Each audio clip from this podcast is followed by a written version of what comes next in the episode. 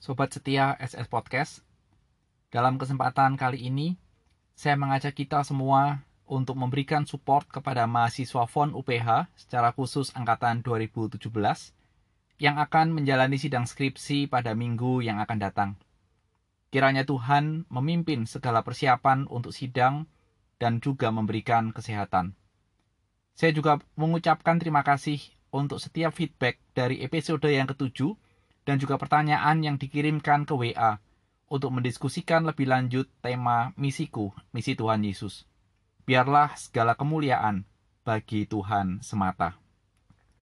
Dan episode kali ini saya memberikan tema bola salju berdasarkan Lukas pasal yang kelima ayat 33 sampai dengan 39. Orang-orang Farisi itu berkata pula kepada Yesus, Murid-murid Yohanes sering berpuasa dan sembahyang, demikian juga murid-murid orang Farisi. Tetapi murid-muridmu makan dan minum. Jawab Yesus kepada mereka, Dapatkah sahabat mempelai laki-laki disuruh berpuasa, sedang mempelai itu bersama mereka? Tetapi akan datang waktunya, apabila mempelai itu diambil dari mereka, pada waktu itulah mereka akan berpuasa ia mengatakan juga suatu perumpamaan kepada mereka. Tidak seorang pun mengoyakkan secari kain dari baju yang baru untuk menambalkannya pada baju yang tua. Jika demikian, yang baru itu juga akan koyak, dan pada yang tua itu tidak akan cocok kain penambal yang dikoyakan dari yang baru itu. Demikian juga tidak seorang pun mengisikan anggur yang baru ke dalam kantong kulit yang tua. Karena jika demikian, anggur yang baru itu akan mengoyakkan kantong itu, dan anggur itu akan terbuang dan kantong itu pun hancur. Tetapi anggur yang baru harus disimpan dalam kantong yang baru pula. Dan tidak seorang pun yang telah minum anggur tua ingin minum anggur yang baru, sebab ia akan berkata, anggur yang tua itu baik. Mari kita berdoa. Tuhan, sekali lagi bentuklah hidup kami dengan firman-Mu, untuk memancarkan keindahanmu. Demi Tuhan Yesus, amin. Sobat setia, pernahkah kita mendengar istilah bola salju? Bola salju sering digambarkan bola yang terbuat dari salju, kemudian bola salju itu menggelinding dari atas gunung menuju ke bawah, dan ukuran bola salju itu dari kecil semakin besar dan semakin besar. Dalam Injil Lukas, saya menemukan ada konsep bola salju yang dimulai dari cerita Lewi sebagai bola salju kecil. Dan kemudian bola salju itu melaju di dalam cerita-cerita berikutnya. Apa maksudnya? Bola salju itu terus-menerus menggelinding.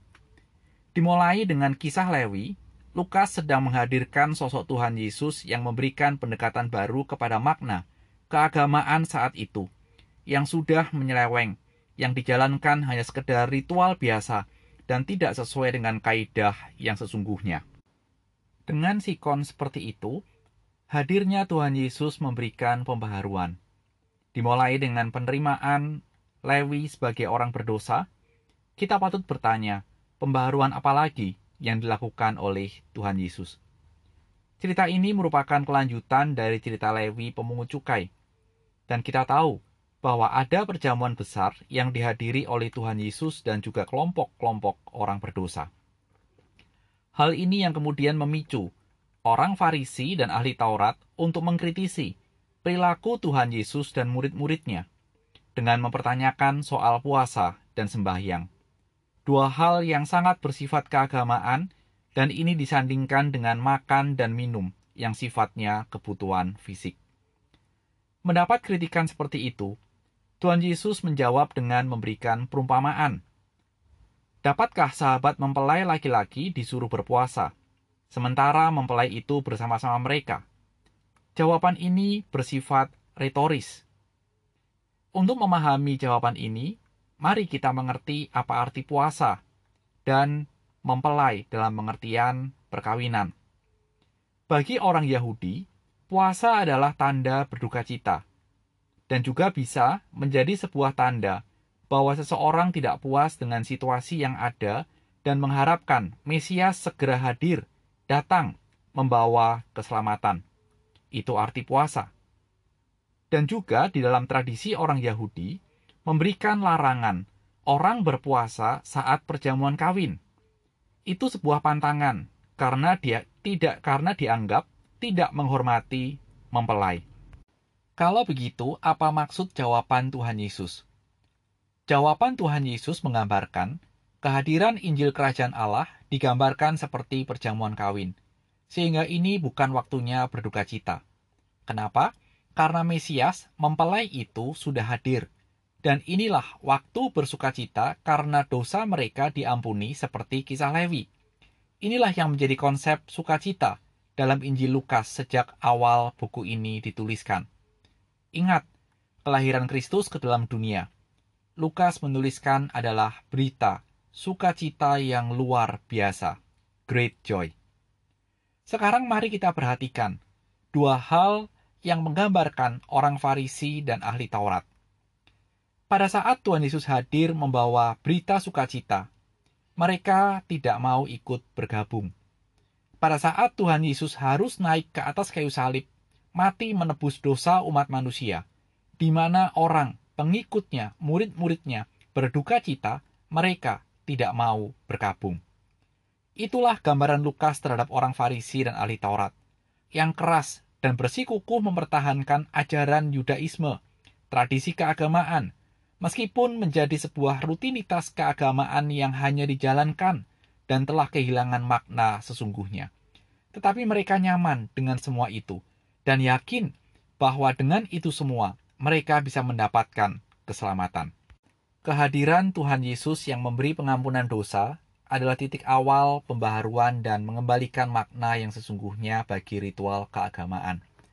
Dan inilah yang menjadi arti sederhana bagi ayat 36 sampai dengan 39 berkaitan dengan perumpamaan tentang menambal baju yang lama dengan kain yang baru dan mengisi anggur yang baru ke kantong yang tua. Bila kita meminjam kalimat dari Rasul Paulus dalam 2 Korintus 5 ayat 17, yang lama telah berlalu sesungguhnya yang baru sudah datang. Pembaharuan dari Kristus itulah yang menjadi bola salju yang terus menggelinding, pembaharuan yang terus berjalan dalam cerita Injil Lukas. Sobat setia, mari sekarang kita pikirkan apa aplikasi bagi kita semua dari cerita ini. Yang pertama, kita belajar bahwa kehadiran Tuhan Yesus memberi pengampunan dosa yang berkaitan dengan keselamatan. Artinya apa? Keselamatan tidak bisa didapatkan melalui ritual-ritual keagamaan. Semua adalah karena anugerah Tuhan semata-mata kepada kita. Seperti Tuhan memanggil Lewi, pemungut cukai. Yang kedua, kehadiran Tuhan yang mengembalikan arti yang sesungguhnya bagi ritual keagamaan. Sehingga sebagai ciptaan baru dalam Kristus, seharusnya kita benar-benar melakukan ritual keagamaan untuk menyembah Tuhan, bukan supaya dilihat orang lebih baik, bukan supaya dianggap orang lebih suci, apalagi mendapat keselamatan. Sehingga mari kita renungkan di dalam poin yang ketiga masuk ke dalam hal-hal yang lebih praktis untuk menerapkan poin yang kedua.